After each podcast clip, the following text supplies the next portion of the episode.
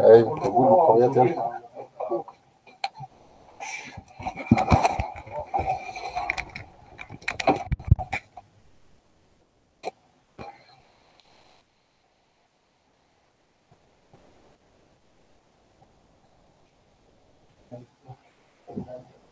السلام عليكم ورحمة الله وبركاته. الصوت مسموع؟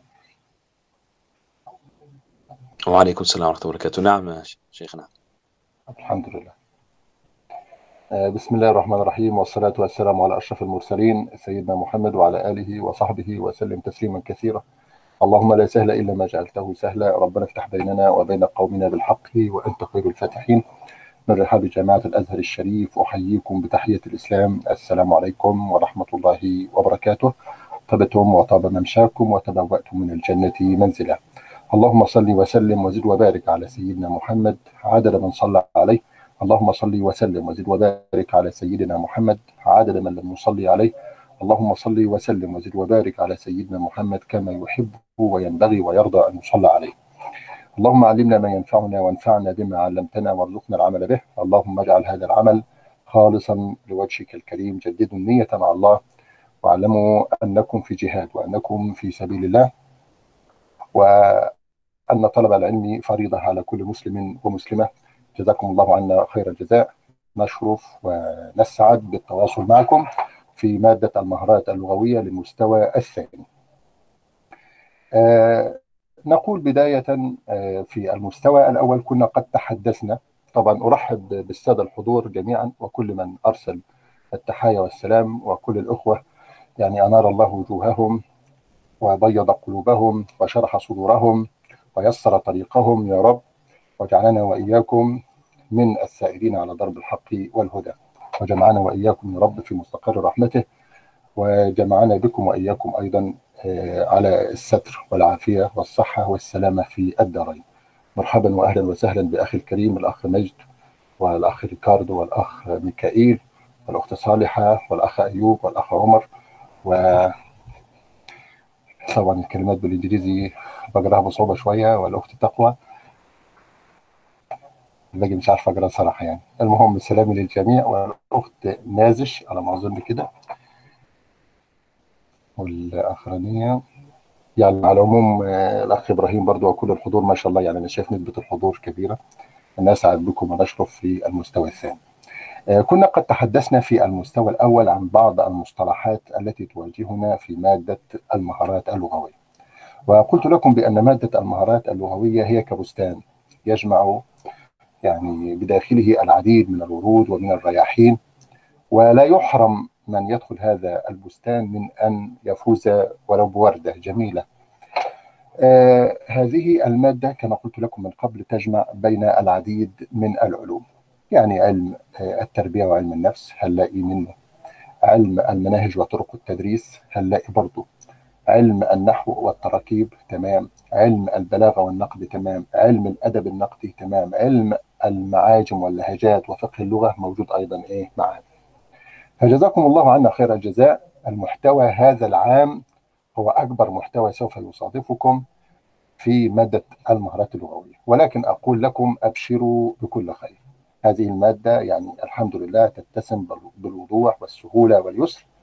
والحمد لله يعني أنا متفهم لظروفكم أيضا ولمستوياتكم. هي مستويات عالية طبعا أنا أعرفها والكل جميعا ما شاء الله يعني في تخصصات مرموقة. ولكن طبعا الدراسة في اللغة وفي الشريعة تحتاج إلى جهد وإلى إعمال عقل وفكر أيضا. ولكن يعني ما شاء الله عليكم أبشروا وما زلت أكررها طبعا بأنكم يعني إن شاء الله هتكونوا خير خلف لخير سلف.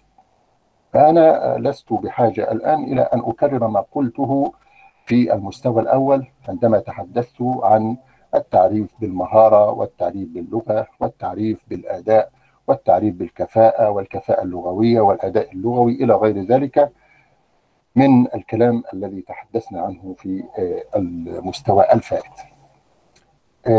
ما زلنا نتحدث عن فنون اللغة العربية.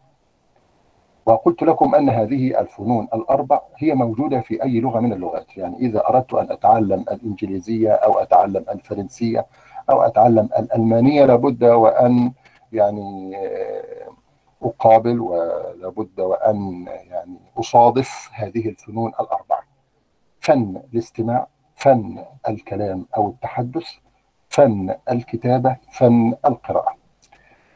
وأنا قلت قبل كده إن في فنين يوجد فنان تمام كده؟ سابقان للفنين تمام كده؟ الآخرين. آه الاستماع والتحدث هما أسبق في الوجود وفي التعلم من الكتابة والقراءة.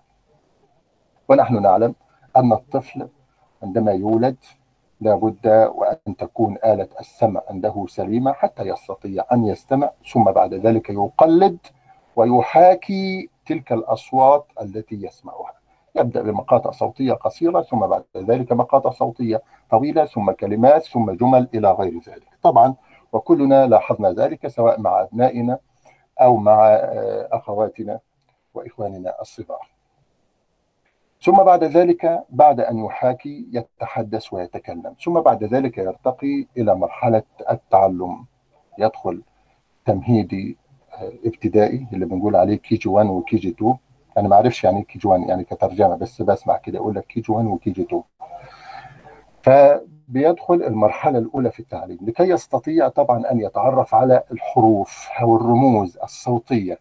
تلك الرموز أو الحروف التي عبر عنها ابن جني في كتابه الخصائص عندما عرف اللغة قال هي عبارة عن نظام من الحروف أو المقاطع الصوتية والتي يعبر بها كل قوم عن أغراضهم. يبدأ بتعلم الحروف ثم بعد ذلك بتعلم المقاطع الصوتية القصيرة كتابة وقراءة ثم بعد ذلك ينتهي به الكلام إلى أن يصير متعلما قارئا وكاتبا. هذه هي الفنون الأربعة. لو قسمنا هذه الفنون الأربعة سوف نقسمها إلى قسمين، قسم خاص بالإرسال، خاص بالإرسال، وهناك قسم آخر خاص بالاستقبال. فالتحدث أو الكلام بين قوسين كده وكذلك فن الكتابة يندرجان تحت خاصة أو خاصية إيه؟ الإرسال وأما بالنسبة للاستماع لفن الاستماع وكذلك لفن القراءة يختصان بالاستقبال وهناك الرسالة التي تموج عبر تلك الموجات الصوتية أثناء التحدث أو عن طريق الرموز المكتوبة المصورة أمامك في كتاب أو في مجلة أو في صحيفة هذه هي الرسالة التي يريد المتحدث أو الكاتب يريد إيصالها إلى إيه؟ إلى جمهوره سواء كان جمهور مستمعين أو جمهور القراء بتوعه. آه اليوم بعون الله تعالى وتوفيقه هنتعرض يعني كده بصورة سريعة بصورة سريعة لفنين من فنون اللغة. الفن الأول وهو فن التحدث كما قلت لكم وهو أسبق في الوجود تمام كده من فن الكتابة. التحدث أسبق في الوجود من فن الكتابة. والأدلة على ذلك كثيرة يعني بتصادفنا. لو أنت بتدرس تاريخ ال ال الأدب بتاعنا العربي مع الدكتور حبيبي وأخويا الكبير الدكتور محمود أبو سمرة هتلاقيه بيكلمك عن العصر الجاهلي ثم بعد ذلك ينتقل إلى عصر صدر الإسلام ثم عصر الدولة الأموية والعصر العباسي الأول والثاني إلى غير ذلك إلى أن ينتهي بكم المطاف إلى العصر الحديث في العصر الحديث. هنلاقي بيقول لك كده إن قديما لم يكن هناك تدوينا ولم يكن هناك كتابة وأن العرب يعني أمة أمية لا تقرأ ولا تكتب بداية. ولذلك كان لكل شاعر راوية يحفظ شعره ويرويه يلقيه على الناس. ولذلك يعني بسبب هذا الموضوع كان هناك العديد من المناقشات والحوارات التي دارت في موضوع الشعر الجاهلي وما تحدث فيه طه حسين وإلى غير ذلك ولكن لسنا بصدد الحديث عن ذلك وقد تتعرضون لهذا الموضوع في أبحاث علمية أو في اطلاع عن طريق شبكة المعلومات الدولية.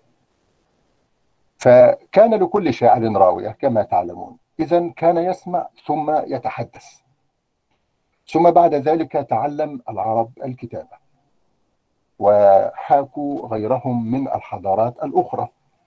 واتسعت رقعة الدولة الإسلامية في أيام الدولة العباسية ووجدنا العباسيين يعني ينفتحون على العالم من حولهم. هم يختلفون عن الدولة الأموية بأن الدولة الأموية كانت شديدة التعصب للعربي وللغة العربية. كانوا لا يقربون غيرهم. أما في العصر العباسي وجدنا الخليفة العباسي يتزوج من امرأة غير عربية وينجب خليفة كالخليفة المأمون كانت أمه فارسية ولكن أبوه كان عربيا وهو الخليفة على ما أظن هارون الرشيد. ولو أخطأت تصححوا لي يعني. أما الأمين فكانت أمه عربية وأبوه عربي كما تعلمون. الشاهد في ذلك أن العرب عندما انفتحوا على غيرهم من أصحاب السلام عليكم ورحمة الأخرى. الله. انقطع الصوت سيدي لا نسمعكم. مم. نسمعك. تسمعون؟ أنا نس أسمع عادي. الباقي يسمع لا ما زلنا نسمع. المشكلة ممكن تكون عندنا. طب الحمد لله. الحمد لله. ممكن يكون عندك عطل يا أخي الكريم. الأخ إبراهيم ممكن يكون عندك عطل لا. ال- الصوت واضح عندي. طب يبقى مين اللي اشتكى؟ ال- أخ محمد. تمام تمام. جزاكم الله عنا خير الجزاء. آه، آه، حبل الأفكار اتقطع عندي. نوصله. آه كنا بنتكلم أيوه عن العباسيين والانفتاح الحضاري والثقافي والمعلوماتي مع الحضارات الأخرى. وجدنا عصر الترجمة والتدوين و و والى غير ذلك. والاهتمام بالمكتبات وترجمه الكتب وترجمة الفلسفة والمنطق والعرب عندما تعرضوا للمنطق وجدنا فريق يقول بتحريم الاشتغال بعلم المنطق وهناك فريق يقول بجواز الاشتغال وفريق آخر يعني يعني أمسك بالعصا من المنتصف كما نقول وضع له ضوابط إلى غير ذلك. انتقلنا كما قلت لكم من مرحلة الاستماع والتحدث إلى مرحلة القراءة والكتابة وتعرفنا على العديد من الحضارات القديمة سواء الحضارات التي كانت موجودة عندنا في مصر الحضارة الفرعونية ثم بعد ذلك الحضارة التي كانت موجودة في بلاد الرافدين في بلاد العراق. وجدنا الأشورية والسومرية والبابلية والحضارات الأخرى المنتشرة في بلاد إيه؟ في بلاد العجم كل هذه الحضارات وصلت إلينا عن طريق تلك الرموز والنقوش التي كانت موجودة وما زالت على جدران المعابد قام العلماء بترجمة هذه النقوش وبالتعرف على تلك إيه؟ اللغات وفهم تلك اللغة أو تلك الحضارة التي كانت سائده في هذا العصر. اذا التحدث والكلام أسبق في الوجود طبعا من الكتابة والقراءة، ولذلك عندما تتعرضون لدراسة الأدب والنقد سوف تجدون سؤال قد يطرحه الأخ الكريم الدكتور أبو سمرة يقول لكم هل الأدب أسبق في الوجود من النقد؟ أم النقد أسبق؟ يعني هل الأدب بشقيه أو بفرعيه اللي هو الشعر والنثر والنثر طبعا بأنواعه المختلفة من خطابة وصايا ورسائل ثم ذلك في العصر الحديث وجدنا الرواية والقصة والمسرحية والاقصوصه إلى غير ذلك. بالنسبة للأدب والنقد هما صنوان مقترنان. ليه؟ لأن القاعدة العقلية بتقول إيه؟ إذا وجد من يتكلم وجد من يستمع. وإذا وجد من يستمع وجد من ينقد. والنقد هو تمييز الجيد والرديء من الكلام. ليس النقد هو مجرد إظهار مواطن الضعف في المنتج الفني أو في النص الأدبي اللي قدامي ولكن النقد هو وضع اليد على مواطن القوة على مظاهر الجمال في هذا العمل أو المنتج الفني وكذلك على مواطن القصور فيه فهم قالوا أن الأدب والنقد متلازمان متلازمان إذا وجد من يتحدث أي من يلقي شعرا أو من يلقي خطبة وجد من يستمع. وإذا وجد من يستمع وجد من ينقد أي من يميز. وهذا ما كان يحدث طبعا للعرب قديما في أسواقهم فلم تكن أس لم تكن أسواقهم لعرض البضاعة أو للتجارة فقط بل كانت هناك طبعا المفاخرات والمناظرات التي كانت تدور بين شعراء كل إيه كل قبيلة. لو أنتم قرأتوا في كتب في التراث لو قرأت لعبد القاهر الجرجاني في كتابيه دلائل الإعجاز وأسرار البلاغة أبو هلال العسكري في كتابه الصناعتين ابن جني في كتابه الخصائص دي كتب جميلة لابد أن تكون موجودة في مكتبة كل باحث منكم. كله تحدث عن الكلام والكلام الفصيح والكلام البليغ وأن الكلام يحسن بسلاسته وسهولته وتخير ألفاظه. إلى غير ذلك من الكلام الذي يوزن يعني بالذهب كما نقول. هذا الكلام الموجود في بطون أمهات الكتب في هذا التراث المجيد هذا التراث الذي انكب عليه الغرب بالدراسة والتمحيص واستخرجوا منه قضايا نقدية واستخرجوا منه مظاهر واستخرجوا منه أدوات واستخرجوا منه آليات واستخرجوا منه أساليب وفنون ونسبوها إلى أنفسهم.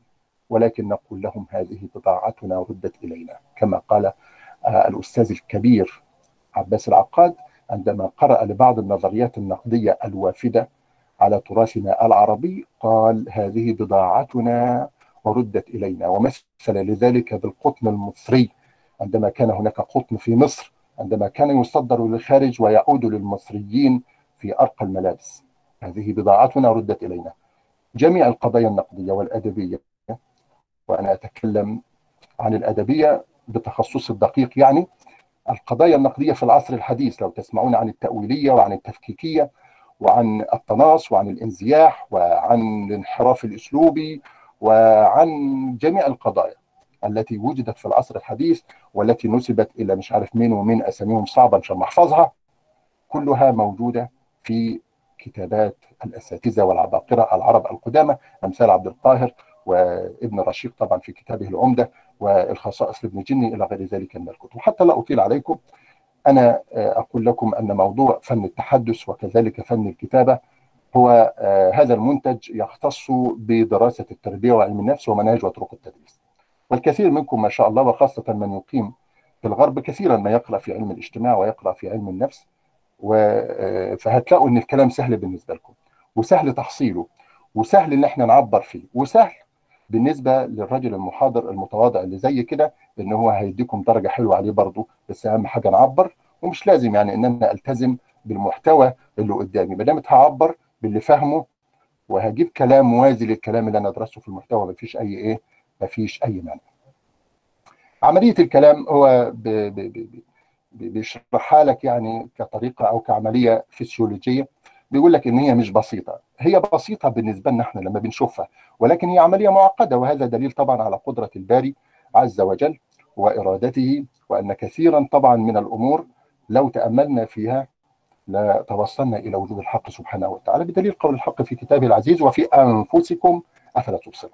طبعا القرآن الكريم ودين دعا للتأمل وإلى إعمال العقل. دعا إلى التأمل وإلى إعمال العقل. يعني كما قال المعتزلة أن الله سبحانه وتعالى لو لم يرسل الرسل لتوصلنا إلى معرفة الحق سبحانه وتعالى بالعقل. آه، فالحق سبحانه وتعالى أمرنا بأعمال العقل في كثير من الآيات ومن يحفظ القرآن الكريم سوف يجد دعوة كبيرة في كثير من الآيات إلى التأمل وإلى أعمال الفقه والعقل لكي نصل إلى وجود الحق سبحانه وتعالى حتى كثير طبعا من العلماء في العصر الحديث توصلوا إلى وجود الحق سبحانه وتعالى ولولا وجود هؤلاء العلماء في دول لا تدين بالاسلام لكان في كلامهم يعني هذا يعني تغيير لمسار دول على بعضها. يعني أذكر أن هناك رائد فضاء روسي كان اسمه يوري جاجارين هي بتكتب بالجيم وبتكتب بالغين. مش عارف يعني غاغارين ولا جاجارين. المهم في النهاية الراجل ده كان رائد فضاء روسي وكان صعد إلى الفضاء.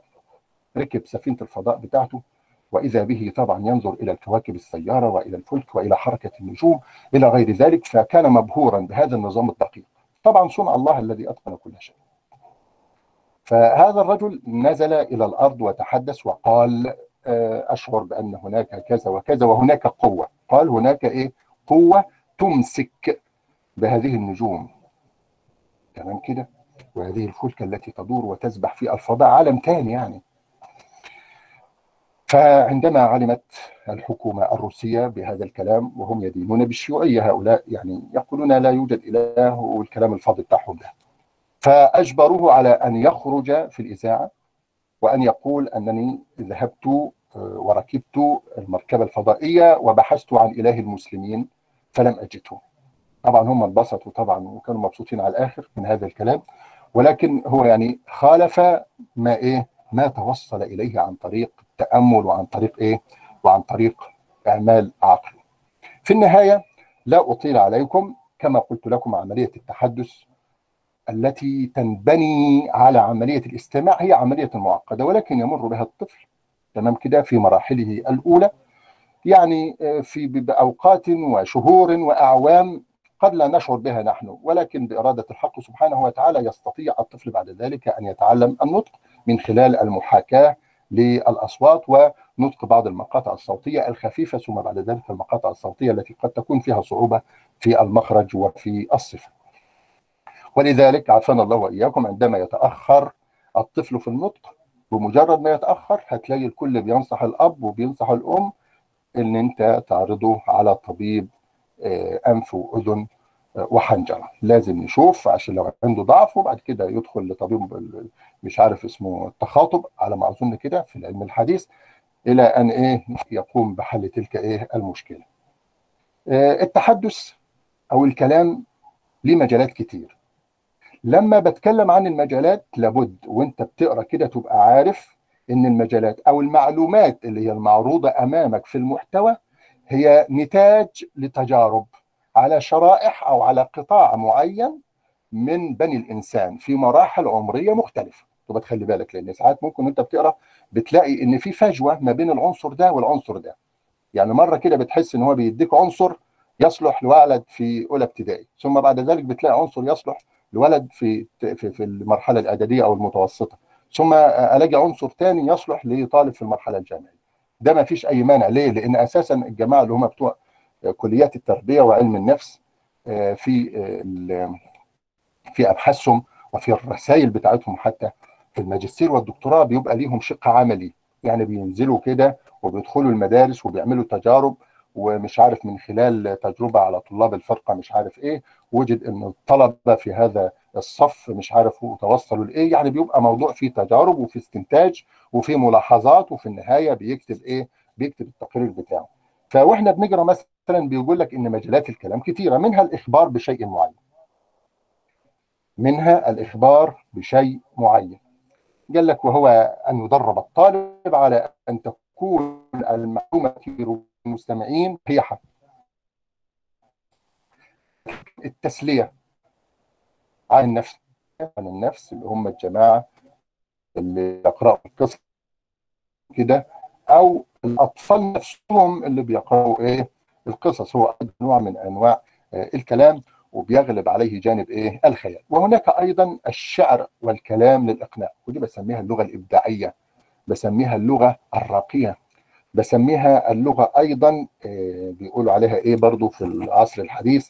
بيقولوا عليها آه، اللغة ال- التي يوجد فيها عدول أو يوجد فيها إيه؟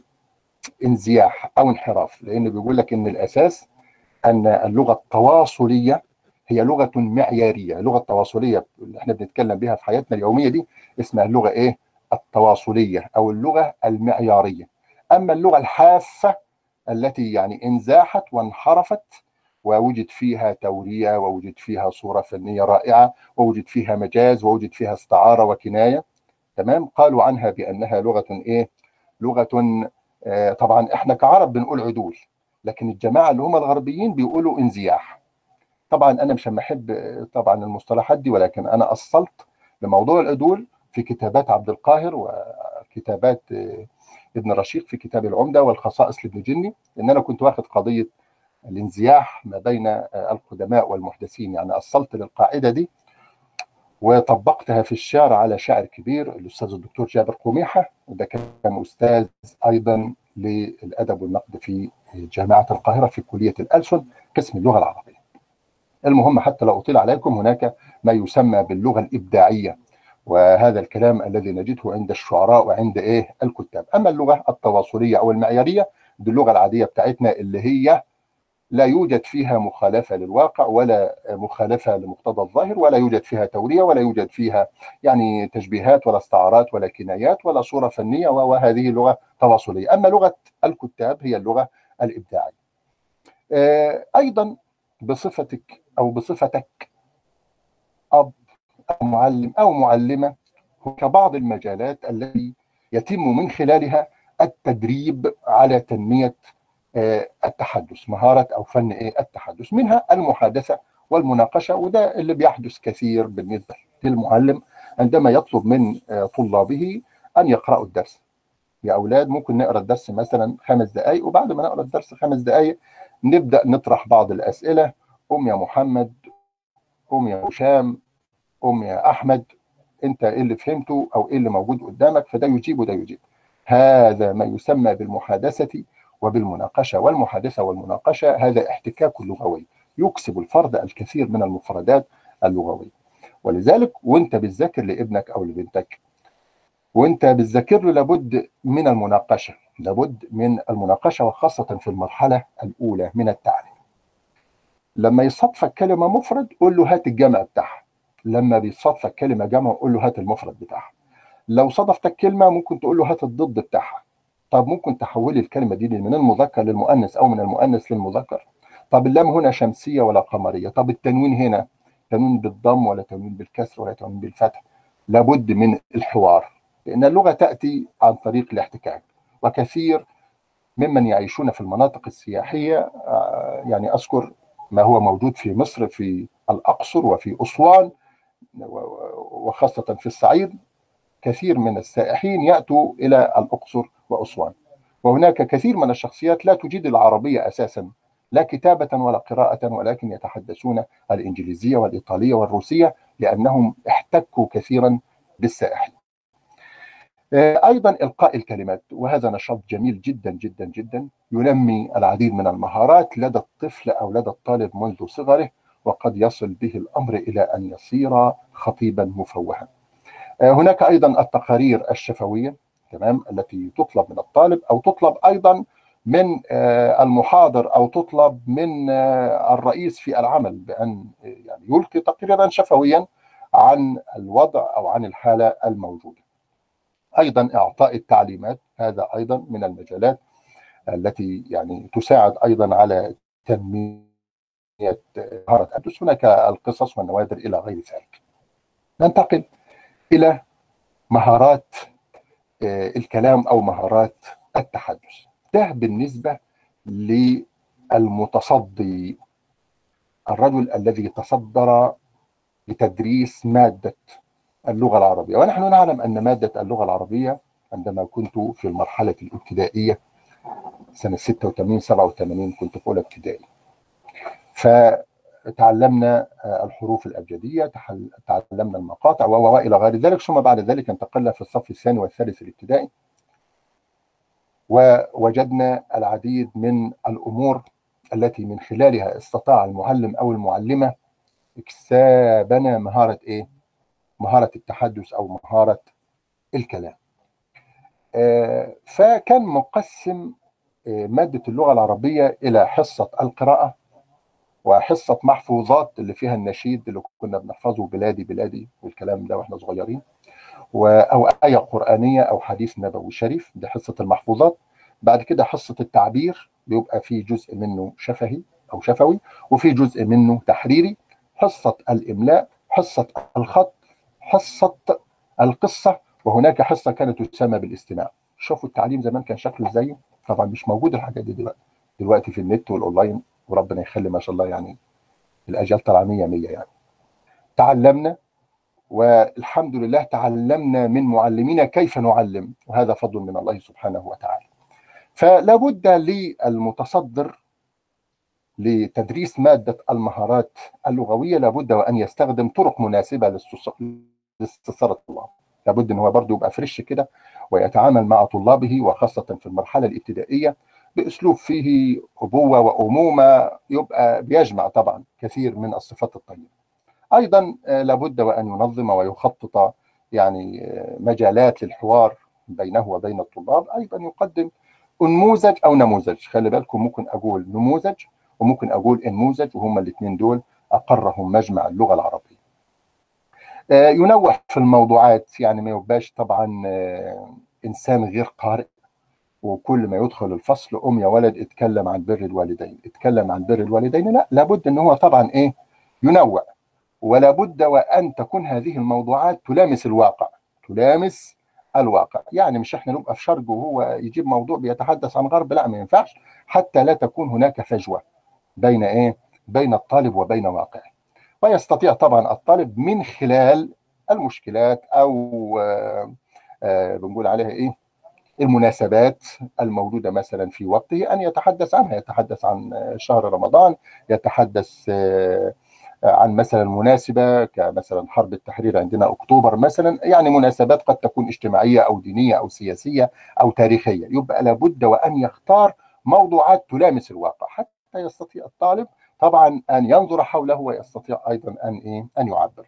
أيضا يستخدم المواد التعليمية والوسائل المعينة ودلوقتي ما شاء الله في المدارس موجود طبعا حجرة الوسائل التعليمية بتدخل تلاقي الوسائل التعليمية موجودة ولكن للأسف الطالب قد لا يجيد استخدام هذه الوسائل وقد لا يجيد المعلم نفسه اللي هو استلم هذه الوسائل ولا يجيد أيضا التعامل حتى مع الطلاب. يختار أفضل المواقف والأوقات يعني يضع الطالب في موقف ما كأنه تعرض لموقف ما ويطلب منه أن يبرر أو أن يشرح أو أن يتحدث يستخدم أيضا أساليب لتخفيف عبء المواقف أثناء التحدث يعني يقلل من التوتر لدى الطالب ويشعره بالطمأنينة ويشعره بالهدوء والاستقرار. خليه هادي أو زي ما بيقولوا كده ريلاكس تمام؟ يخليه هادي لكي يستطيع أن يعبر إيه؟ لكي يستطيع أن يعبر عما بداخله من إيه؟ من أفكار. ننتقل بعد ذلك كده فن التحدث خلص. موضوع سهل يعني ما أخش كلام كتير وزي ما قلت لكم يعني اللي هيقتصر على المحتوى ده تمام اللي هيدخل على الحج جوجل أو جوجل ويحاول يزود معلومات إسرائيلية عنده ما شاء الله طبعا ده شيء جميل هينفع نفسه وهينفع أولاده ونفس الكلام هيكتب كتابة جميلة إن شاء الله في الامتحان. الشهادة بتاعتنا اللي إحنا بناخدها دي شهادة الدراسة لا تساوي شيئا بالنسبة لشهادة الحياة. لم تكن شهادة الدراسة وسيله ولذلك يعني الحمد لله وخاصة هذا المستوى انتظر يعني التدريس له ما شاء الله يعني كلهم يعني وخاصة السيدات يعني ما شاء الله يعني مجتهدات وبرضه عشان الأولاد ما يزعلوش ما شاء الله يعني بنجد فيكم يعني إيه الكل يريد أن يتعلم والكل يريد أن يتبحر في علوم العربية وفي علوم الشريعة. وأوصيكم بالتعاون. العمل الجماعي ممتاز. يعني خلوا قلبكم على قلب بعض زي ما بنقول كده باللغة العامية بتاعتنا. العمل الجماعي ممتاز. وتواصوا فيما بينكم بالدعاء. كله يدعو لأخوه ويدعو لأخته بالتوفيق وبالنجاح. لأن الإنسان أو المرء المسلم عندما يدعو لأخيه المسلم يوكل الله له ملكا يقول له ولك بالمثل. يعني شوف أنت يا ضعيف يا إنسان يا ضعيف بتدعو لأخوك المسلم أو لأختك المسلمة بظهر الغيب. أنت بتدعو وممكن يقبل منك أو لا يقبل لأنك أنت إنسان يعني.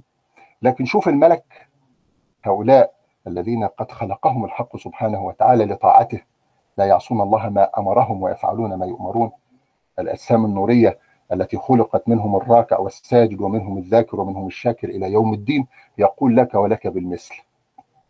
إلى غير ذلك طبعا من فرج عن مسلم كربة فرج الله عنه والله في عون العبد. وحطوا 100 خط تحت الموضوع ده. يلي هتساعد أخوك المسلم في كتابه تقرير أو في كتابه شرح أو في كتابه أي حاجة. ده شيء جميل وشيء ممتاز. وحتى يعني لا أقول أنا أتحدث عن نفسي أنا انتهيت من مرحلة الدراسات العليا من موضوع حوالي سبع ثمان سنين. تلخيصاتي التي كنت ألخصها لكتب التراث ما زالت تصور للطلبة حتى الآن. كل من يدخل الدبلومة الأولى أو الدبلومة الثانية اللي هي الدراسات العليا تمهيدي ماجستير في قسم اللغة العربية عندنا. الحمد لله ال ال الكلام اللي أنا كنت كاتبه التلخيصات اللي اللي أنا كنت كاتبها ما زالت تصور حتى الآن وما زالت موجودة عند بعض الأساتذة. الذين يدرسون المادة. فهذا طبعا ده فضل من الله سبحانه وتعالى وعندما يوفق العبد لكي يخدم إخوانه وأخواته فهذا شيء جميل وسيحسب له ذلك وسيفرج الله عنه الكثير وسيدخر له الكثير والكثير والكثير لدرجة أنه سوف يندهش يعني وينبهر بفضل الحق سبحانه وتعالى نتيجة لما قدمه من خدمة لأخيه إيه؟ لأخيه المسلم. أنا آسف لو كنت بطلع لبره بس إحنا بنحاول برضو إيه درسنا يبقى في كل حاجة كده بنستفيد مع بعض وعشان ما نزهقش يعني. الدرس الثاني وهو فن الكتابة. الكتابة كما قلت لكم هي وسيلة من الوسائل الحضارية وأي أمة رقية من الأمم ارتقت وكان لها حضارة سوف تجدون لها إيه كتابة فهمناها ما فهمناهاش هي المهم كتابة لما بزور أنا الأماكن الأثرية اللي موجودة في محافظة المنيا عندي في الصعيد نقوش ورسوم وأشكال. طبعا أنا مش فاهم حاجة ولكن هي في النهاية نقوش تم ترجمتها وممكن واحد بيشرح كيفية زراعة القمح كيفية استخراج المياه كيفية مش عارف الرعي كيفية كذا. كل الحاجات دي كانت موجودة عند القدماء المصريين وكانت حضارة طبعا مزدهرة وما زالت الآثار يعني تحكي وخير شاهد إيه؟ خير الشاهد على ذلك. والناس اللي بيجوا من بره يطلعوا يجروا ويقول لك رحنا أبو الهول والأهرامات والكلام ده كله. هذا أيضا من مظاهر إيه؟ من مظاهر الحضارة عندنا في إيه؟ في مصر. طب توصلنا إلى هذه الحضارة عن طريق فن الكتابة. لأن أي حضارة لابد أن تكون إيه؟ حضارة قائمة على كتابة اللغة وكذلك على أيضا القراءة وعلى إيصال هذه الحضارة وتلك المظاهر الجميلة عن طريق تلك النقوش التي إيه؟ يعني ما موجودة على الجدران والمعابد. الكتابة هي وسيلة أيضا لحفظ تراثنا ولو تطرقنا طبعا إلى حفظ القرآن الكريم وإلى تدوين السنة النبوية وإلى جمع القرآن وإلى غير ذلك وجدنا أن القراءة قامت خير قيام بهذا العمل. القراءة طب لما ندخل على تعريفها عند الجماعة اللي هم بتوع التربية وعلم النفس بيقول لك إيه القراءه القراءة نشاط اتصالي. يعني اتصالي؟ يعني بيتم فيها الاتصال ما بين الأفراد. تمام؟ وتخيلوا الكتابة في أي شيء. واحد بيكتب رسالة لصاحبه ده نشاط اتصالي. واحد بيكتب مثلا خاطرة مرت على ذهني بيدونها. ولذلك قالوا إيه؟ في بيت شعر والله راح مني. هو في بيت شعري موجود في التحدث يعني أن الشيء يدور في نفسك ثم يترجمه اللسان. قال إن الكلام لفي الفؤاد وإنما جعل اللسان على الفؤاد دليلا. وبعد كده أيوة بالنسبة للكتابة. قال العلم صيد والكتابة قيده. العلم صيد ولو أنا أخطأت في البيت ممكن حد يصحح لي. العلم صيد والكتابة قيده. آه الشطر الثاني مش متذكره بس بكتبوها كده على جوجل وهتلاقوا إن موضوع الكتابة مهمه جدا جدا جدا وخاصة في تدوين المعلومات. تدوين خاطرة أو فكرة. يبقى هي نشاط اتصالي بينتمي للمهارات المكتوبة وهي أيضا من الفنون الإنتاجية. يعني بيبقى إيه؟ آه قيد صيودك بالحبال الواثقة. تمام. بارك الله فيك يا أختي شريفة وجزاك الله خيرا طبعا على حسن الاستماع. لأن في فرق ما بين الاستماع وما بين آه السمع وما بين السماع وما بين الإنصات. السمع اللي هو الآلة المعروفة إن السمع والبصر والفؤاد كل أولئك كان عنه مسؤولا. والسماع اللي هو عبارة عن ذبذبات صوتية بتلتقطها الأذن والجماعة اللي هم بتوع تخصص أنف وأذن وحنجرة عارفين طبعا الذبذبات الصوتية وصوان الأذن والمطرقة والسندان والطبلة والشغل الكلام ده. فأنت ماشي في الشارع بتسمع أي صوت بتسمع قرآن أصوات سيارات مهرجانات طبعا في العصر الحديث ما شاء الله يعني من كل حاجة هتلاقي. فده بسميه سماع ده بسميه سماع. لكن بالنسبة للاستماع لا دي عملية عقلية فيها شيء من يعني التركيز ومن الانتباه. ثم بعد ذلك يأتي الإنصات وهو ما يسمى بالاستماع اليقظ. والاثنين ذكروا في القرآن الكريم. فإذا قرئ القرآن فاستمعوا له وأنصتوا. ولذلك الإنصات هو درجة يعني تندرج تحت الاستماع ولكنها درجة إيه؟ درجة فيها عقلانية أكثر وفيها تركيز إيه؟ وفيها تركيز إيه, إيه أكثر فالكتابة نشاط اتصالي كما قلت لكم وهي عملية يقوم الفرد فيها بفك الرموز وتحويل الرسالة من تلك الرموز المرسومة أو المكتوبة إلى طبعا ألفاظ وهذه الألفاظ المشوار ده أساسا بيتم في أجزاء من الثانية وده من ضمن أيضا نعم الحق سبحانه وتعالى على عبده نعمة البصر بيبص على المادة المقروءة أمامه. كله ده في ثواني زي ما بنقول. بيجمع الكلمات هوب بتمر عن طريق العقل ويترجم ويعرف لدرجة إن هو يستطيع يعرف إن الكاتب ده مين. يعني في ناس متبحرة في العلم وفي القراءة ومتعمقة في كثير من الأساتذة ما شاء الله يعني عندنا في الجامعة ممكن لو قلت قدامه بيت شعري يقول لك ده بتاع فلان. وممكن لو قلت قدامه نص نثري يقول لك ده المنفلوطي أو الرفي أو ده العقاد. تمام؟ فهذه طبعا آه، الأمور معروفة لمن تبحر ولمن قرأ. لأن كل كاتب ما زلت أقول لكم أن كل كاتب له إيه؟ له أدواته وله آلياته التي يشكل بها منتجه الفني. هناك الموضوع أو الرؤية التي يكتب فيها يكتب مثلا في الرؤية الإسلامية أو الوطنيات أو القوميات أو في آه، طبعا الرؤية الوجدانية. تمام كده؟ كل ما يخرج وجدان كالغزل والرثاء إلى غير ذلك أو يكتب في التأمل والفلسفة عن الموت عن الحياة عن العالم عن الكون من حوله عن التغيرات عن فيروس حير العالم كله. تمام؟ عافانا الله وإياكم. هذا شيء من إيه؟ من التأمل. ثم بعد ذلك تأتي الآليات. وعناصر البناء التي بنى بها الكاتب أو الشاعر منتجه الفني والأدبي. الكتابة نشاط اتصالي كما قلت لكم حتى لا أطيل. يوجد لها تعريف ولها أنواع أيضا منها الكتابة الوظيفية. جماعة اللي هم الموظفين اللي هم بيكتبوا كتابة وظيفية. الطالب اللي هو بيلخص الدروس بتاعته ربنا يكرمه ويسعده ويساعده إن هو يساعد زمايله طبعا دي كتابة أيضا وظيفية. الكتابة الإبداعية الجماعة اللي هم الرايقين دول اللي ما شاء الله عليهم ربنا أنعم عليهم باللغة وبالفن وأنعم عليهم بالتجربة وبالإحساس وبالعاطفة. طبعا دي كلها دي مكونات المنتج إيه؟ الفني لأن حد يقول لي مثلا الأستاذ بيقول ده عاطفة وبيقول إحساس وبيقول خيال آه طبعا الحاجات دي موجودة. ما هو الراجل اللي بيكتب ده الراجل المبدع. أنا بتكلم عن المبدع بصفة عامة بس دايما بميل يعني الكرة بجيبها الملعبي أو في ملعبي شوية يعني ناحية الجماعة الكتاب والجماعة اللي هم بتوع الشعر والنثر دول. فبيقول لك لابد أن يكون هناك خيال لابد أن يكون هناك عاطفة لابد أن يكون هناك تجربة حتى يستطيع الكاتب أو المبدع. من هنا تأتي تلك الكتابة الإبداعية. تلك الكتابة الراقية التي تختلف عن تلك اللغة التي يكتب بها الاخرون هناك أيضا الكتابة الإقناعية والتي يكون الهدف منها والمغزى من ورائها هو إقناع آه، القراء بموضوع ما أو بإيه بشيء ما. يا ترى آه، أهداف الكتابة إيه؟ طبعا الكتابة لها أهداف سؤال.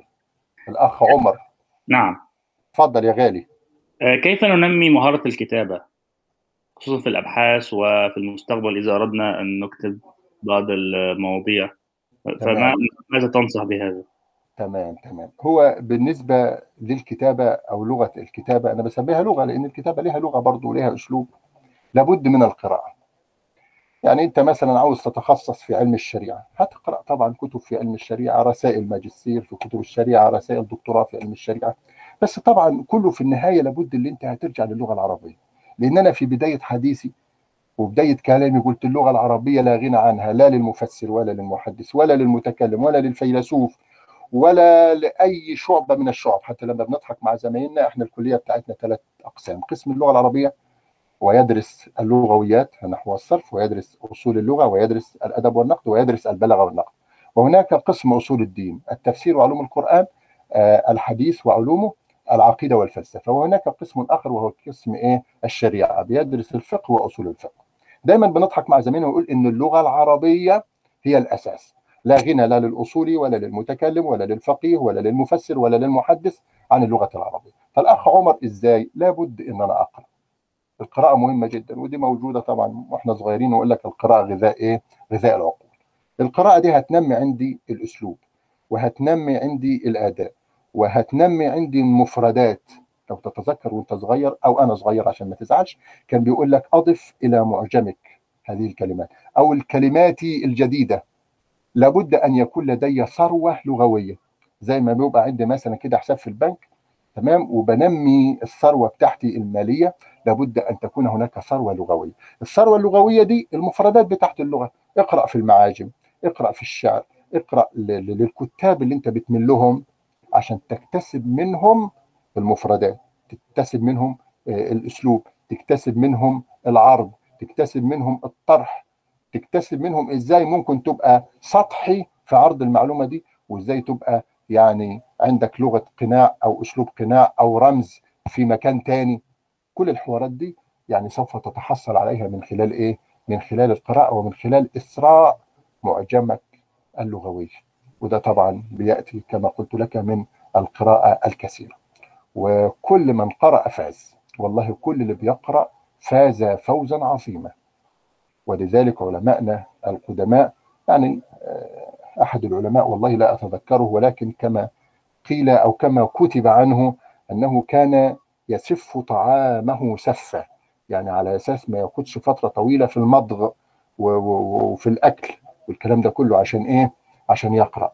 وجميع العلماء الأفزاز سواء من تعرفت عليهم أو من قرأت عنهم يعني الدكتور الكبير المفكر الإسلامي الكبير الله يرحمه دكتور محمد عمارة سبحان الله يعني كنت هزوره قبل موته حوالي بأسبوع يعني كان أحد الأصدقاء بيمهل لزياره لأنه كان زاره يعني وقال لي إن شاء الله يعني هاخدك المرة الجاية ولكن قدر الله وما شاء فعل. هذا الرجل قد بلغ يعني من العمر حوالي 92 عام ولكنه كان يقرأ يوميا كما نقل عنه من 14 ل 15 ل 16 ساعة.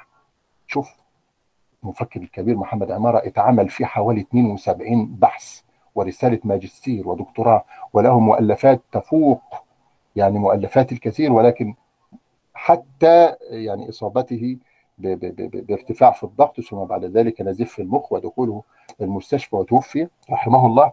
كان مولعا بالقراءة. فالقراءة هي مهمة جدا يا اخ عمر وأتمنى أن أكون وفقت في الإجابة على السؤال، أنا تحدثت معك بصفة عامة ولا أعلم يعني توجهاتك أو تريد أتخصص في أي علم من العلوم يا ترى في العربية أو في علوم الشريعة أو في علوم القرآن أو في الحديث إلى غير ذلك. القراءة هي دليلك وهي التي سوف تأخذ بيدك أيضا إلى ما تريد. جزاك الله عنا خير الجزاء. أهداف شكرا. وإياكم وإياكم أخي الكريم. الأهداف من الكتابة أول حاجة إكساب المتعلم والدارس القدرة على التعبير. ثاني حاجة القدرة على استخدام الأساليب الصحيحة في الكتابة القدرة على ممارسة التفكير المنطقي. الكلام ده شوية إيه واحد واثنين وثلاثة زي بعضه. ممكن هتحفظوهم ممكن تفهموهم بأي تعبير إن شاء الله آه العملية إن شاء الله سهلة وميسورة. وأبشروا مهارات تدريس الكتابة. طب هندخل بعد كده للرجل إيه المعلم. لابد وأن يكون متسلحا بمهارات لما أقول كتابة آه خلي بالك هيقابلني التعبير الكتابي حصة التعبير طلع الكراسة. حصة الإملاء آه تعليم الإملاء طلع الكراسة برضه تعليم الخط كراسة الخط اللي كنا بنستلمها وإحنا في المرحلة الابتدائية والخط النسخ وخط الرقعة وخط الكوفي وإلى غير ذلك. كانت أيام أيام ما كان في تعليم. إذا مهارات تدريس الكتابة متوقفة على هذه الأمور متوقفة على تعليم التعبير الكتابي تعليم الإملاء تعليم الخط. التعبير الكتابي معروف هو فن من فنون الكتابة والإملاء فن أيضا من فنون الكتابة والخط أيضا هو فن من فنون الكتابة. والتعبير الكتابي صاحب هذا الفن لابد وأن يكون ملما بقواعد الإملاء وأيضا بكيفية رسم الحروف. يعني لو أنا هكتب بالنسخ تمام. هكتب بالرقعة تمام. هكتب بالثلث ماشي. هكتب بالكوفي ماشي. تمام. طب بالنسبة للتعبير الكتابي تعرفه إيه؟ قالوا عملية ذهنية أدائية. ده الكلام اللي هم بتوع مين؟ بتوع التربية وعلم النفس والتعريفات المترجمة من الغرب والكلام ده كله. بيقول لك عملية ذهنية أدائية يقوم بها الأفراد بهدف إنتاج مادة كتابية. حول موضوعات ومرئيات وقضايا محددة. صح كده؟ موضوعات اكتب في أحد الموضوعين. مرئيات أطلع بالفصل بتاعي. طبعا لو أنا في يعني العملية كده وفي نظام تعليمي كويس أنزل بيهم مثلا إلى الحديقة والكلام ده كله وكل واحد يعبر ويكتب في أي موضوع. ممكن يكتب عن الطبيعة من حوله ممكن يكتب على أي شيء مما يعني يطرأ أو تقع عينه إيه عليه. طب إيه مهارات تدريس التعبير الكتابي؟ قال لك المتصدي أيضا لتدريس الكتابة لابد وأن يستثير الطلاب نحو الموضوع الكتابي. يعني لابد كما قلت لكم أن تكون هناك لغة تواصلية بين المعلم وبين طلابه. ولابد أن يأخذ رأيهم. ولا بد وأن يشعرهم بوجودهم. مش أي واحد يتكلم اسكت يقعد أي واحد يقف يقعد مش عاوز يسمع صوتك يقعد الحاجات دي ما ينفعش. لابد وأن يشعر بالطالب لأن الطالب ممكن يقدم له معلومة ممكن يقدم له فكرة تمام كده؟ وممكن أن تكون لديه موهبة يستطيع المعلم من خلال طبعا تلك المهارة أن ينمي تلك الموهبة لدى الطلاب. أيضا يستغل مظاهر البيئة تمام؟ ولذلك حاليا في الكتب الحديثة وفي الكتب القديمة بيجيب لك الدرس وبيجيب لك صور صح كده؟ ويقول لك إيه؟ انظر وعبر. انظر إيه؟ انظر وعبر. يعني انظر للصورة اللي قدامك وعبر. طبعا الصورة بتبقى غالبا في مظاهر طبيعة خارجية وبيعبر الطالب. يبقى كل ده بينمي عنده أول حاجة الحوار ممكن التعبير الشفهي ثم بعد ذلك يتم تطبيقه على التعبير الكتابي. يستخدم وسائل عديدة ونماذج مختلفة لتدريب الطلاب. يخلق جوا تدريبيا يعني بيعمل لهم جو جميل كده في في الحصة ما يبقاش داخل يعني زهجان ويطلع زهجه على الطلاب وينزل ضرب فيهم ما ينفعش طبعا. يحدد المهارات ويقدم التغذية المرتجعة. طبعا شوف المصطلحات والكلام المكلكع ده التغذية المرتجعة اللازمة لتنمية الأفكار ويضع معايير صحيحة لتقويم كتابات الطلاب. يعني يبقى في تغذية كده دايما ويمد الطلاب طبعا بالعديد من الأساليب والطرق والنماذج. وفي نفس الوقت لابد إن هو يحدد الأخطاء النحوية والصرفية. وكذلك الدلالية. النحوية اللي هي طبعا بترجع إلى علم النحو إلى قواعد النحو والصرفية التي تعود إلى مخالفة قواعد المصرف والدلالية التي تعود إلى مخالفة الكلمة ودلالات الكلمة. إحنا عارفين إن الجماعة البصريين كانوا أسبق من الكوفيين في علم النحو. وفي كتاب جميل كده إن شاء الله ربنا ييسر والناس تقدر تيجي وتيجي مصر وتزور مصر وممكن يكون موجود بي دي إف اسمه نشأة النحو. نشأة إيه؟ النحو. اكتبوا العنوان ده لكاتب كبير ودكتور كبير حاجة كده الطنطاوي. مش متذكر اسمه بس الكتاب موجود في البيت يعني. حاجة كده الطنطاوي. بس اكتب كده نشأة النحو أو تنزيل كتاب نشأة النحو. أنا إن شاء الله هنزله لكم وهبعته لكم. الكتاب ده جميل خالص. هو بيمسك إيدك كده وبيدور معك وبيوريك ويقول لك المنطقة دي كان فيها فلان وفلان وفلان وقعدوا مع بعض وعملوا قواعد وجي فلان والكلام ده كله. ففي النهاية هتلاقوا إن البصريين أسبق تمام كده من الكوفيين في يعني التأسيس أو الكتابة في علم إيه؟ في علم النحو. ولكن إذا كان الكو البصريون فاقوا الكوفيين في علم النحو لكن الكوفيين كانوا أسبق من البصريين في علم إيه؟ في علم الصرف أصلوا له وسبقوهم في ذلك. أما علم الدلالة فهو يندرج إيه؟ أيوه بالضبط. الأخ الكريم محمد ماهر جزاه الله خيرا نشأة النحو وتاريخ أشهر النحاة. محمد الطنطاوي كتاب جميل خالص. إن شاء الله لو قدرتوا تنزلوه بي دي إف نزلوه. ما قدرتوش أنا هجهز لكم طبعا بعض المراجع وهبقى هبعتها لكم على الجروب بتاع المستوى الثاني فلابد من المعلم أن يحدد الأخطاء التي يقع فيها الطالب. أخطاء نحوية أخطاء صرفية أخطاء دلالية زي ما كانت المعلمة وفي حصة الإملاء. كانت تملي قطعة ونكتب ثم تقول اكتبوا في الصفحة اللي على إيدك على إيدك إيه؟ اليمين وسيبوا الصفحة اللي على إيدك الشمال. ما زلت بغلط والله في اليمين والشمال. فكنا بنكتب في الصفحة اللي على إيدك أيوه الشمال اليمين أيوه ونسيب الصفحة اللي على إيدك إيه؟ اللي على إيدك الشمال.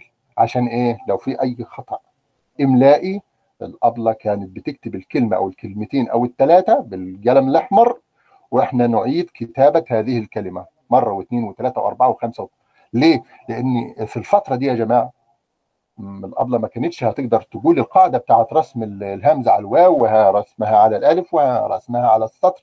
لما إحنا دلوقتي يعني مخنا كده بيلف ويدور عبال ما نحفظ القواعد الكثيرة دي.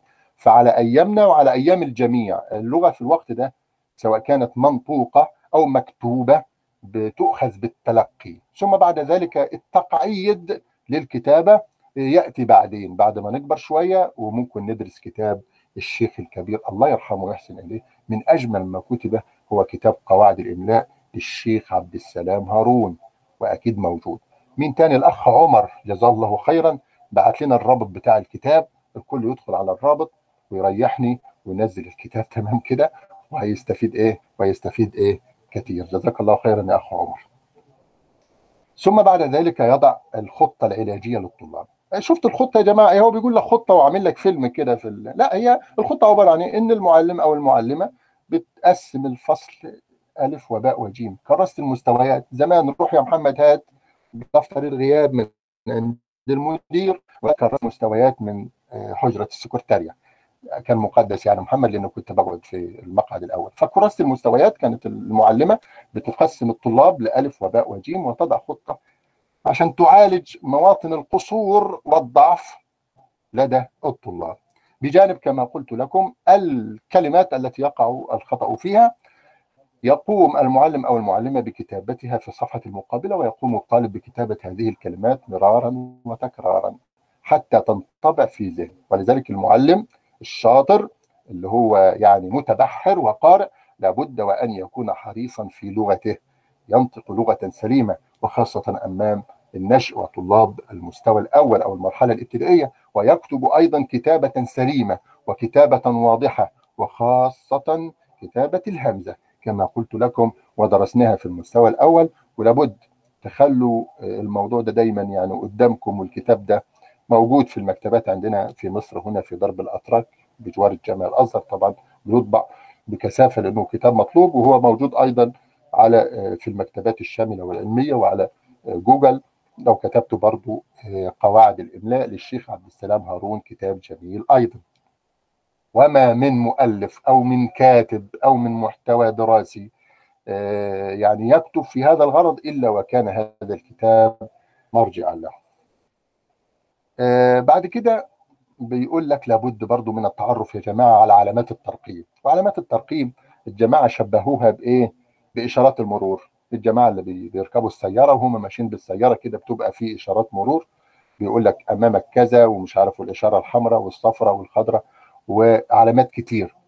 لو ما التزمش سائق السيارة تمام كده بهذه الإشارات سوف يقع فين؟ سوف يقع في مخالفة. وسوف يقع في إيه؟ سوف يقع في مشكلة زي ما نقول فكذلك أيضا بالنسبة للكاتب عندما يكتب في أي فن من الفنون سواء كان تعبير كتابي سواء كان إملاء سواء كان كان كان لابد وأن يلتزم بقواعد إيه؟ بقواعد وعلامات الترقيم طبعا الحاجات دي خدناها السنة اللي فاتت ومكتوبة حاليا حوالي آه عشر قواعد هتقروهم وهتستفيدوا إيه منهم ننتقل بعد ذلك إلى إيه؟ إلى فن الإملاء فن الإملاء. الإملاء الجماعة بتوع التربية وعلم النفس أو مناهج وطرق التدريس قالوا إيه؟ هو نظام لغوي معين مثله في ذلك مثل النظام النحوي والصرفي والدلالي والصوتي. وموضوع الإملاء طبعا الكلمات في اللغة العربية. المستوى الفائت لو تلاحظوا كنا خدنا الحروف التي تزاد والحروف التي تنقص. والحروف وكيفية الرسم. وجبلتنا بعض الحروف اللي كتابتها مخالفة لنطقها صح كده؟ وجبلنا بعض الأصوات اللي هي بتنطق ولا تكتب زي التنوين كده. تمام؟ زي كلمة مثلا في ناس بتكتب شكرا وخاصة الطلبة الصغيرين اللي في المرحلة الابتدائية بيكتب لك شين وكاف وراء ونون. شكرا. طبعا هو حول لك إيه؟ حول لك التنوين إلى إيه؟ إلى نون في آخر الكلمة. ولكن هي نون منطوقة أيضا. نون منطوقة إيه؟ منطوقة أيضا. وعرفها العلماء بأن التنوين نون ساكنة تلحق آخر الأسماء. تنطق ولا تكتب. تنطق ولا إيه؟ ولا تكتب. جزاك الله خيرا أخ محمد ماهر. برضه نزل لنا الرابط بتاع كتاب قواعد الاملاء للشيخ عبد السلام إيه؟ للشيخ عبد السلام هارون. اذا التنوين نون ساكنة تلحق آخر الاسم. تنطق ولا تكتب والتنوين هو علامة من علامات الأسماء كما أشار إلى ذلك ابن مالك في ألفيته عندما قال بالجر والتنوين أي أن الجر والتنوين هو علامة من علامات الأسماء ثم بعد ذلك تعرض إلى أقسام التنوين وقال هناك تنوين تمكين وتنوين تنكير وتنوين مقابلة وتنوين عوض و و إلى غير ذلك. اذا الإملاء نظام لغوي معين مثله في ذلك مثل النظام النحوي والصرفي والدلالي إلى غير ذلك وكما قلت لكم واشرنا إلى ذلك في المستوى الفائت. لابد وأن نراعي في موضوع آه الإملاء هذه القواعد وهذه الرموز وهذه الأصول والمبادئ. أي علم من العلوم إخواني في الله له أصول وله قواعد وله مبادئ. لابد وأن نسير عليه. لابد وأن نسير عليه. برضو الإملاء جزء مهم من الكتابة العربية ودي كانت حصة مهمة ولا زالت بالنسبة للي عاوز يعني يعلم ابنه أو بنته تعليم كويس. الإملاء ده مهم جدا جدا جدا. ثالثا أنواع الإملاء. طبعا أنواع الإملاء أنا هرجع بيكم كده كله يرجع معايا كده للصف إيه؟ الثاني الابتدائي والثالث الابتدائي. الإملاء كان بيبقى عبارة عن إيه؟ يا إما إملاء منقول هو كان اسمه إملاء بس كان منقول. يعني المعلم كان بيكتب قطعة إملاء على السبورة بخط واضح وبكلمات واضحة وحروف واضحة وبعد كده يطلب من الطلاب إيه؟ أن يدرب الطلاب. طب يطلب منهم إيه؟ كتابة هذه القطعة. تمام كده؟ ده بسميه الإملاء المنقول. إحنا لسه في مرحلة صغيرين. نونا بيبي. فطب ندخل على الإملاء المنظور.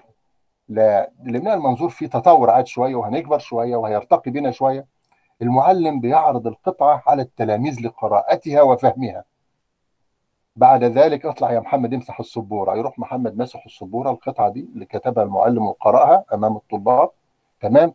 ويعيد عليهم إيه؟ كتابتها عن طريق الإملاء. يبقى ده نوع من التطور. يشوف هو يعني الحاجات دي يعني علماء النفس تكلموا عنها بعد ذلك. ولكن هي كانت يعني هي حاجات كانت موجودة ومدروسة أكيد طبعا يعني العلماء منذ القدم تحدثوا عن هذا الموضوع ولكن في العصر الحديث وجدنا من يركز ومن يعني يخرج تلك العلوم في لباس وفي ثياب أبهى وأجمل ووجدت العديد من المؤلفات التي تدرس هذا الموضوع من منظور مش عارف physiology و psychology والمصطلحات الغربية دي أو الأجنبية أو الأعجمية اللي أنا مش عارف معناها كتير وممكن بتلخبط فيها عشان ما تضحكوش عليا يعني. طب الاملاء المنظور زي ما قلت لكم يقوم المعلم بكتابة قطعة على السبورة يقوم بقراءتها والطلاب بيشاهدوها وتنطبع في ذهنهم ثم بعد ذلك يقوم بحجب هذه القطعة يقوم بمسحها ويقوم بإملائها على إيه؟ ويقوم بإملائها على الطلاب. ثم بعد ذلك ننتقل إلى ملء الفراغ وده موجود اللي بيذاكر لاولاده الصغيرين هتلاقي مثلا ضع مكان النقط الكلمة المناسبة تمام بيضع مكان النقط الكلمة المناسبة. بعد كده الإملاء الاختياري وده بيتم فيه إملاء قطعة على الطلاب بعد فهمها دون مساعدة لهم في الإجابة. زي لو تتذكروا في موضوع التعبير. في موضوع التعبير كان كان المعلم أو المعلمة يكتب ثلاث أربع جمل كده صح كده؟ ويقول لك رتب الجمل الآتية لتكون موضوعا. طبعا أنت بترتب وتبقى مبسوط خالص اللي أنت عملت موضوع تعبير ورتبت الجمل بس ده كان المناسب ليك في هذا الوقت. ثم بعد ذلك ارتقى الأمر وقال لك اكتب في أحد الموضوعين أو اكتب في موضوع كذا وكذا وكذا. فاختلف الوضع. فكما قلت لكم وأنتم تقرؤون هذا المحتوى ستجدون خليطا من المهارات وخليطا من السمات ومن الخصائص. التي يعني تعرضت للمعلم وتعرضت للمتعلم أيضا في المراحل العمرية المختلفة. طب إيه مهارات تدريس الإملاء؟ ده بالنسبة لمين؟ بالنسبة للمعلم، تعال يا معلم. لابد وأن تتسلح بالعديد من المهارات عندما تدرس حصة الإملاء. طب أول مهارة إيه تتسلح بها؟ قال لك يختار موضوع الإملاء بشكل صحيح. قال لك لابد برضو إن هو يتناسب مع قدرات الطلاب. ما اجيبش أنا قطعة كلها طبعا همزة في على الواو وهمزه على السطر وهمزه على النبرة وألف لينة و... والكلمات دي كلها لطلاب مثلا الفرقة الثانية أو الثالثة أو الرابعة في المرحلة الابتدائية لا. يبقى لابد وأن يكون هناك توافق ما بين إيه؟ ما بين القطعة المنتقاة والمختارة وكذلك بما يتوافق مع قدرات الطلاب وميولهم أيضا ينطق الكلمات والجمل بشكل صحيح. آه يعني هو في كثير من المعلمين عافانا الله وإياكم يعني ليسوا على قدر من المعرفة أو هم كانوا على قدر من المعرفة ولكن تحولوا.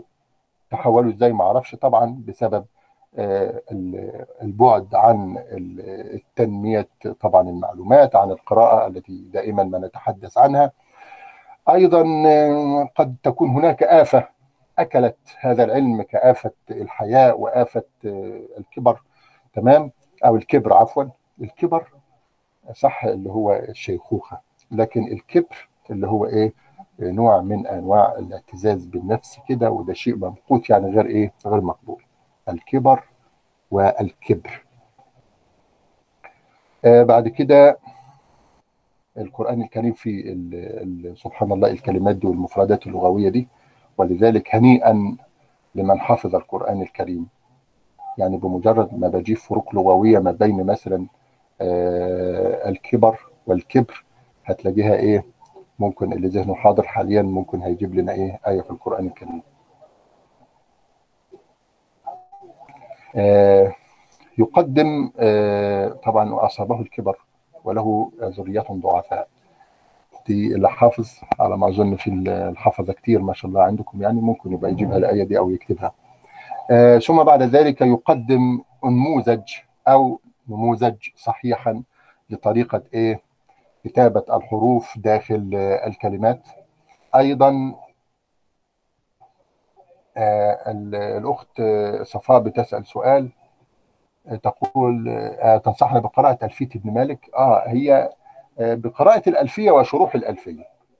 شروح الألفية وأفضل شرح للألفية طبعا والمشهور واللي درسناه في الأزهر هنا شرح ابن عقيل وهو يعني مكون من جزئين ويباع عندنا في السوق كان سعره حوالي 40 أو 50 جنيه آخر مرة اشتريته كان في حدود 100 جنيه أو 120 يعني في حدود كده ولكن هو كتاب جميل.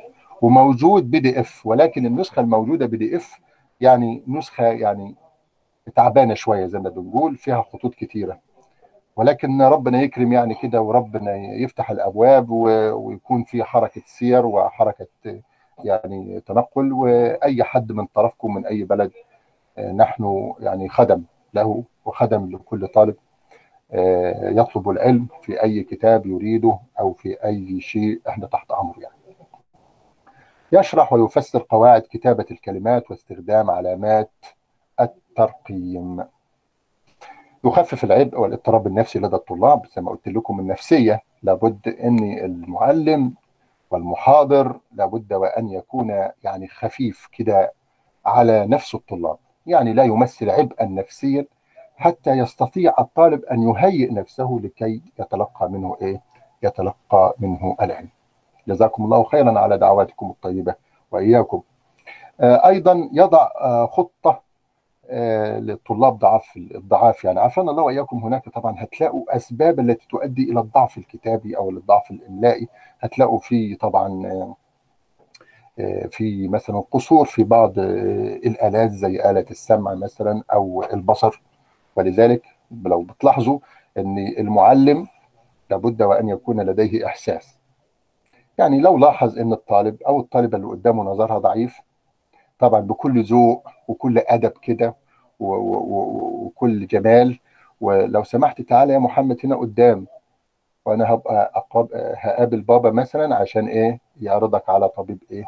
طبيب رمد أو عيون عشان تعمل نظارة. ممكن يقولها له بطريقة سيئة.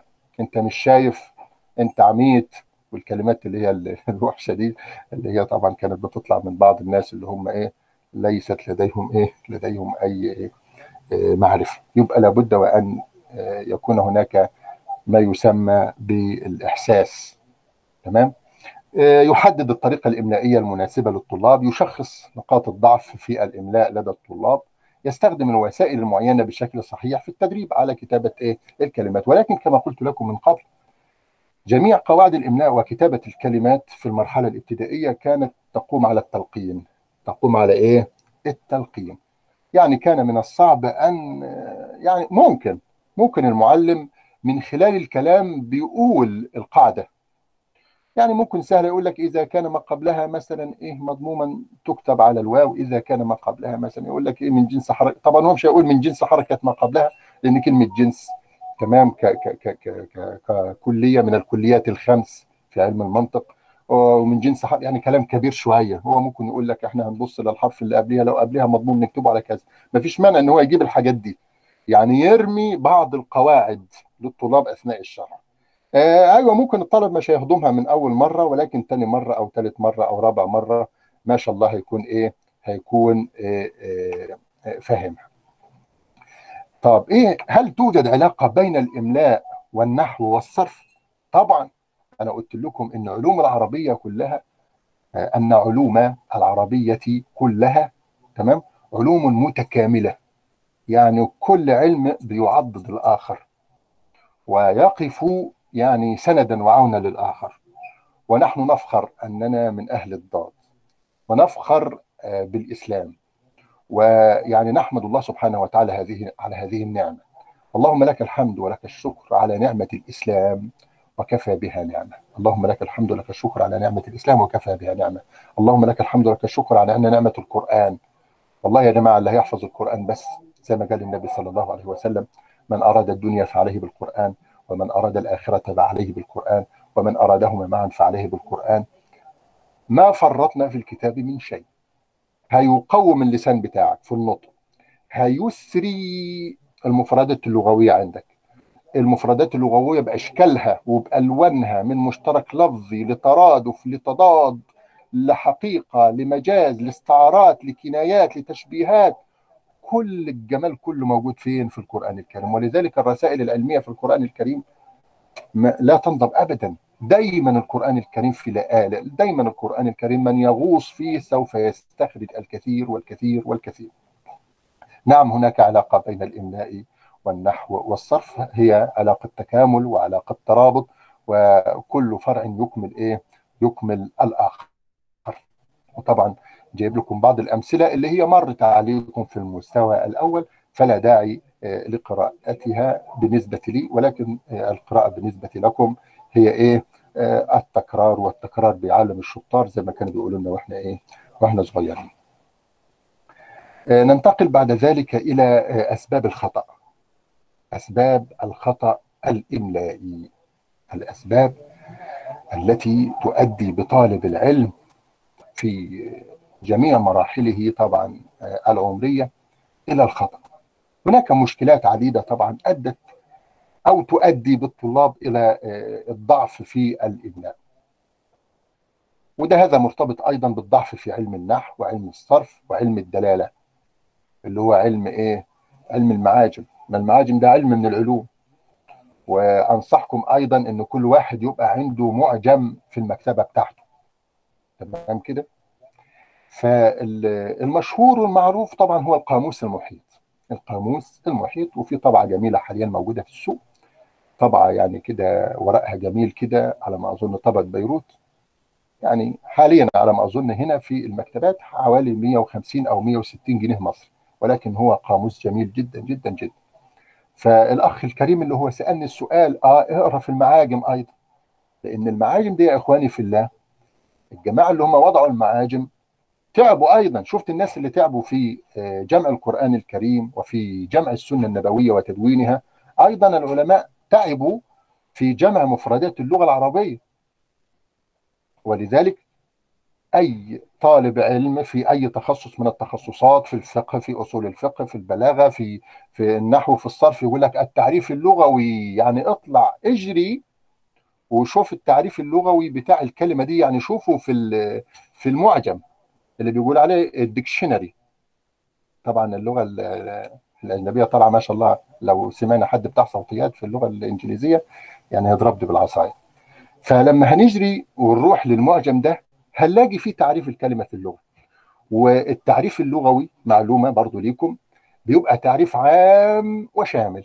تعريف عام وشامل. ولذلك بتلاقي إن تعريف الكلمة في اللغة قد يصل إلى 15 معنى أو 20 معنى. ويقول لك وردت بمعنى كذا كما في قول الحق كذا ووردت بمعنى كذا كما في قول النبي صلى الله عليه وسلم ووردت بمعنى كذا كما قال امرؤ القيس في معلقته كذا ووردت بمعنى كذا وتلاقي معاني كتيرة. ليه؟ قال لك أصل التعريف اللغوي ده تعريف عام وشامل. ثم يأتي بعد ذلك أهل كل فن ويقومون بتقييد هذا المعنى وياخدوه في حتتهم زي ما بنقول كده. أنا راجل بلاغي يبقى كده هاخد التعريف كده في في في الحتة بتاعتي وهحوله إلى بلاغي صرف. أنا لغوي تبع النحو أو الصرف يبقى هحوله وهكذا. لكن الجماعة بتوع المعاجم دول بارك الله فيهم لأنهم جمعوا لنا مفردات اللغة العربية. بختلف في أي جذر لغوي أو في أي كلمة ارجع بسرعة كده. دلوقتي التقدم التكنولوجي ما شاء الله بتبقى ماسك الموبايل أو القارئ الإلكتروني على ما أسمع عنه يعني ما شفتوش.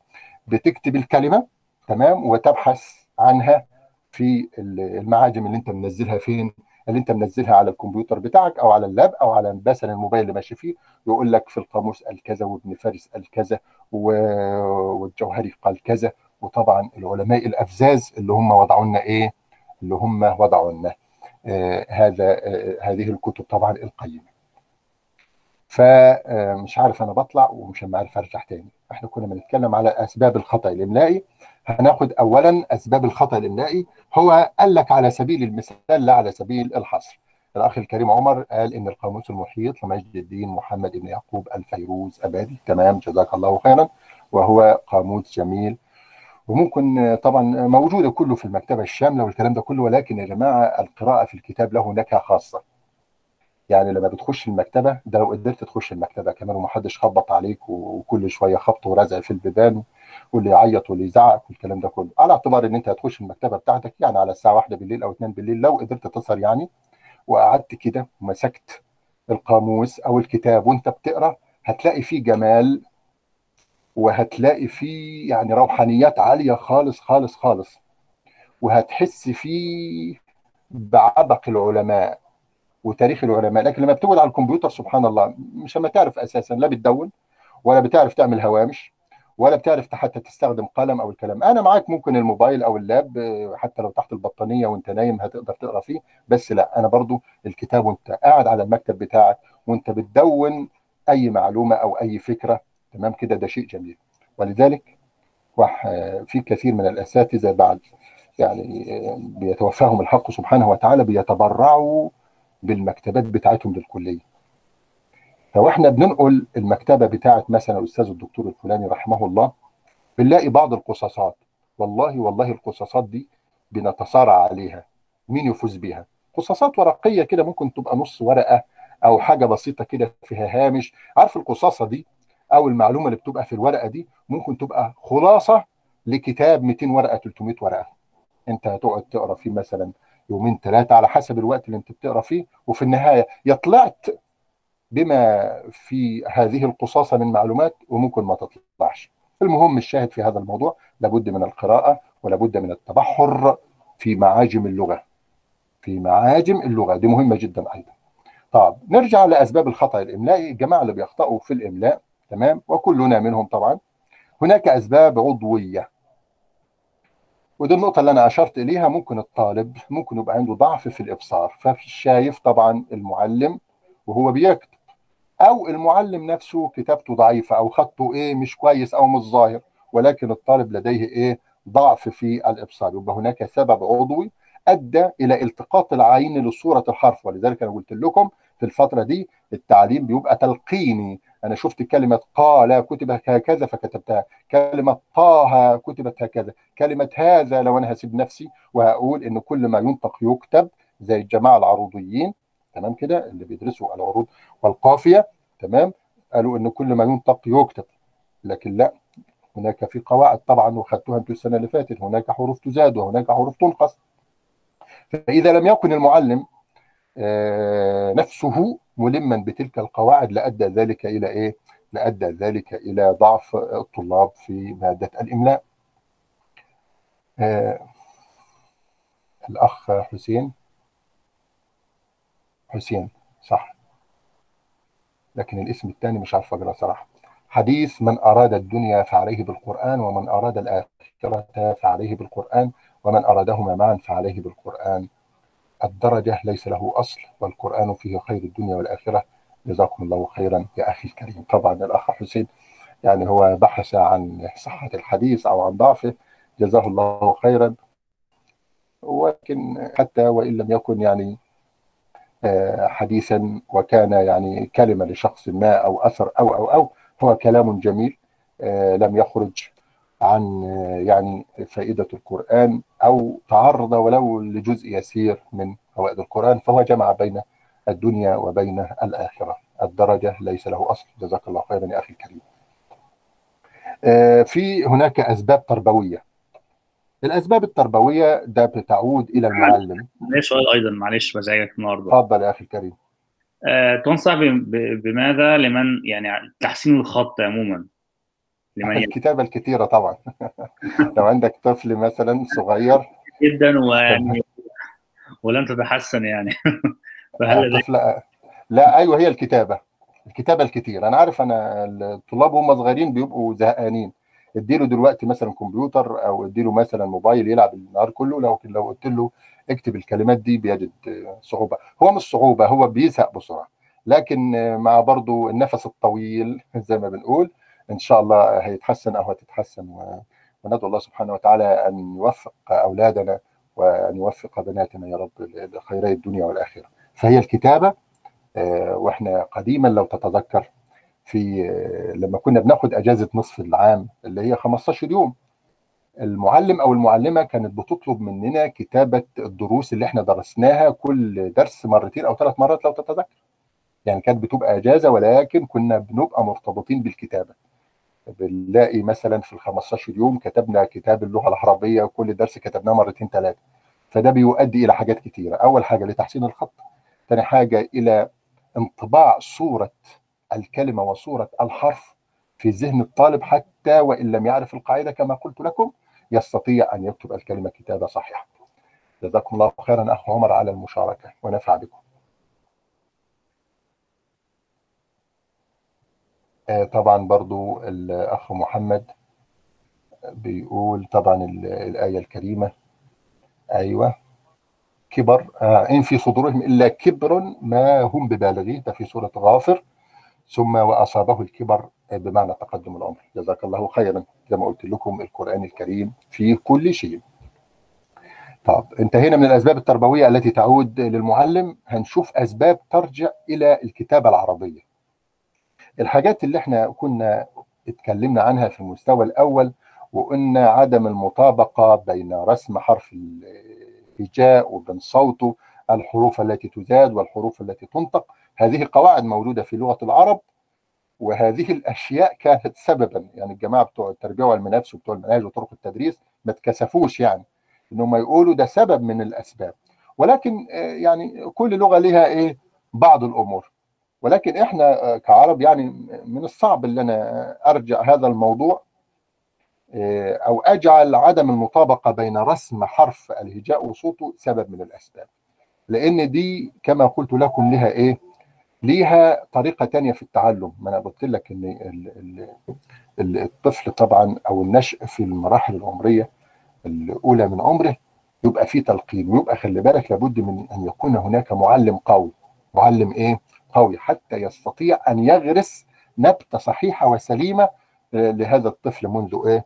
منذ صغره. فهم الجماعة بتوع ال- التربية وعلم النفس أو مناهج وطرق التدريس قالوا عدم المطابقة بين رسم حرف الهجاء وصوته وجاب لك الكلمات زي هذا وطه وعمر إلى غير ذلك. ارتباط قواعد الاملاء بقواعد النحو والصرف. وأنا قلت لكم إن في ارتباط وثيق وإن علم الاملاء يستقي. تمام كده؟ وينهل من قواعد النحو والصرف. وقواعد الإملاء لما يجي الشيخ عبد السلام هارون رحمه الله يكلمك يقول لك عشان كذا وكذا وكذا ويستدل طبعا إن هي بترسم كذا عشان كذا عشان قاعدة النحو قالت كذا وقاعدة الصرف قالت إيه؟ قالت كذا. أيضا تشعب قواعد الإملاء وكثرة الاختلاف وده موجود ولاحظناه لو تتذكروا في المستوى الأول في كلمة مسؤول وكلمة مشؤوم وكلمة كذا وكذا وكان هناك أخت جزاها الله عنا خير الجزاء لا أتذكرها يعني تدخلت وأضافت لنا إيه معلومة جميلة وقلت لكم أن مجمع اللغة العربية أقر الكلمتين سواء كلمة مسؤول بالهمزه على النبره والواو أو الهمزه على الواو والواو إلى غير ذلك إذا تشعب قواعد الإملاء وكثرة الاختلاف كان سببا أيضا من أسباب الخطأ الإملائي. أيضا تعدد صور الحرف الواحد باختلاف موضعه، يعني بيقول لك إن الحرف في اللغة العربية بيتنطط معاك بتلاقيه في اول الكلمة وفي نص الكلمة وفي آخر الكلمة فبيقول لك إن ده برضو من الأسباب التي تؤدي إيه آه، إلى الخطأ. وطبعا في آه، أيضا بعض الحروف اللي هي قريبة إيه المخرج وبتلاقي إن المعلم حتى وهو بينطقها تمام بيخطأ إيه بيخطأ فيها بيخطأ إيه فيها. طبعا هي مش حضران الكلمات ولكن يعني آه، بتجابلني كلمات كثيرة بتلاقي إن إحنا في نطقنا وخاصة في اللهجة العامية.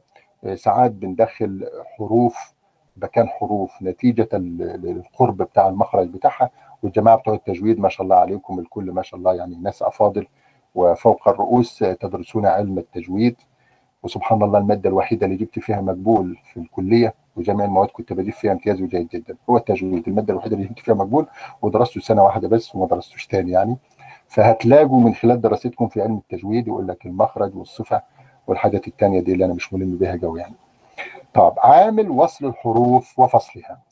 تتكون الحروف العربية زي ما قلت وكما تحدثت من قبل في المستوى الأول أن هناك حروف يجب وصلها وهناك حروف يجب فصلها إلى غير ذلك. هذه قواعد لابد وأن يكون للطالب علم بها. طب نرجع تاني ويجي لي السؤال طب الطفل الصغير ده هيلم بالقواعد إزاي؟ قلت لكم القاعدة دي لابد وأن تكون لدى المعلم. تمام ومن خلال كتابته على السبورة تنطبع هذه الكتابات الكتابات في ذهن مين؟ في ذهن الطالب ثم بعد ذلك بعد أن يكبر طبعا يستطيع أن يتبحر في العلم ويصل إلى السبب في كتابة هذه الكلمة بتلك الطريقة والسر في ذلك يعني. هناك سبب ما يسمى بالإعجام وهو يعني تنقيط الحروف. تمام؟ وطبعا الحروف قديما لم تكن إيه منقوطة ما كانش في نقط. ثم بعد ذلك جاء ولذلك قديما وما زال يوجد في بعض كتب الحديث على ما أتذكر في شرح المبدي يقول مثلا بالموحدة التحتية اللي هي الباء بالمثناة الفوقية أو المثناة التحتية عشان يقول لك دي الباء والتاء والياء إلى غير ذلك. طبعا مصطلحات جميلة. لا زلت أتذكرها وأتذكر أين قرأتها وأين ذكرتها. والله الأجازة الماضية ذهبت إلى بيتنا القديم وطلعت فوق السطح في المكان اللي كنت بذاكر فيه وتذكرت الأيام الماضية. وهنا كنت أذاكر كذا وهنا حفظت سورة كذا وهنا ختمت كذا وهنا كذا. والأيام تأخذنا ونسأل الله سبحانه وتعالى حسن الخاتمة الخاتمة. استخدام الصوائط القصار. طبعا هناك ما يسمى بالصوائط والصوامت والكلام ده برضو لما في علم الأصوات هتدرسه في علم التجويد أيضا هتدرسه. والمقصود بها إيه؟ الحركات. تمام كده؟ زي إشباع مثلا الفتحة. لما بنشبع الفتحة يا جماعة بتلاقي إن الطالب مثلا مباشرة بيجيب لك ألف. ولما بنشبع الضمة الطالب دايما يجيب لك واو. ولما بنشبع الكسرة الطالب دايما بيجيب لك ياء. لأنه طبعا هذا خطأ.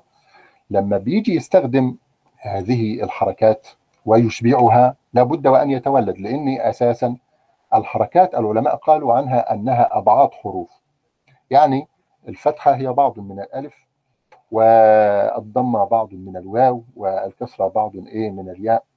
وحتى في المستوى الأول قال لك من جنس حركه ما قبلها فالضمة أو الواو تناسبها الضمة طبعا والألف تناسبها الفتحة وهناك القاعدة التي تقول أن الألف لا تكون إلا ساكنة ولا يكون ما قبلها إلا مفتوحة. الألف في كلام العرب لا تكون إلا إيه؟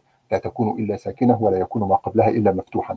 ولذلك لما تيجي تذاكر لابنك أو لبنتك تقول له أي اسم مبني أو أي ضمير مبني اخره ألف اعرفه إن هو مبني على السكون اعرفه إن هو مبني على السكون زي هذا زي أنا. فإذا إشباع الحركات قد يتولد منه حرف. تمام؟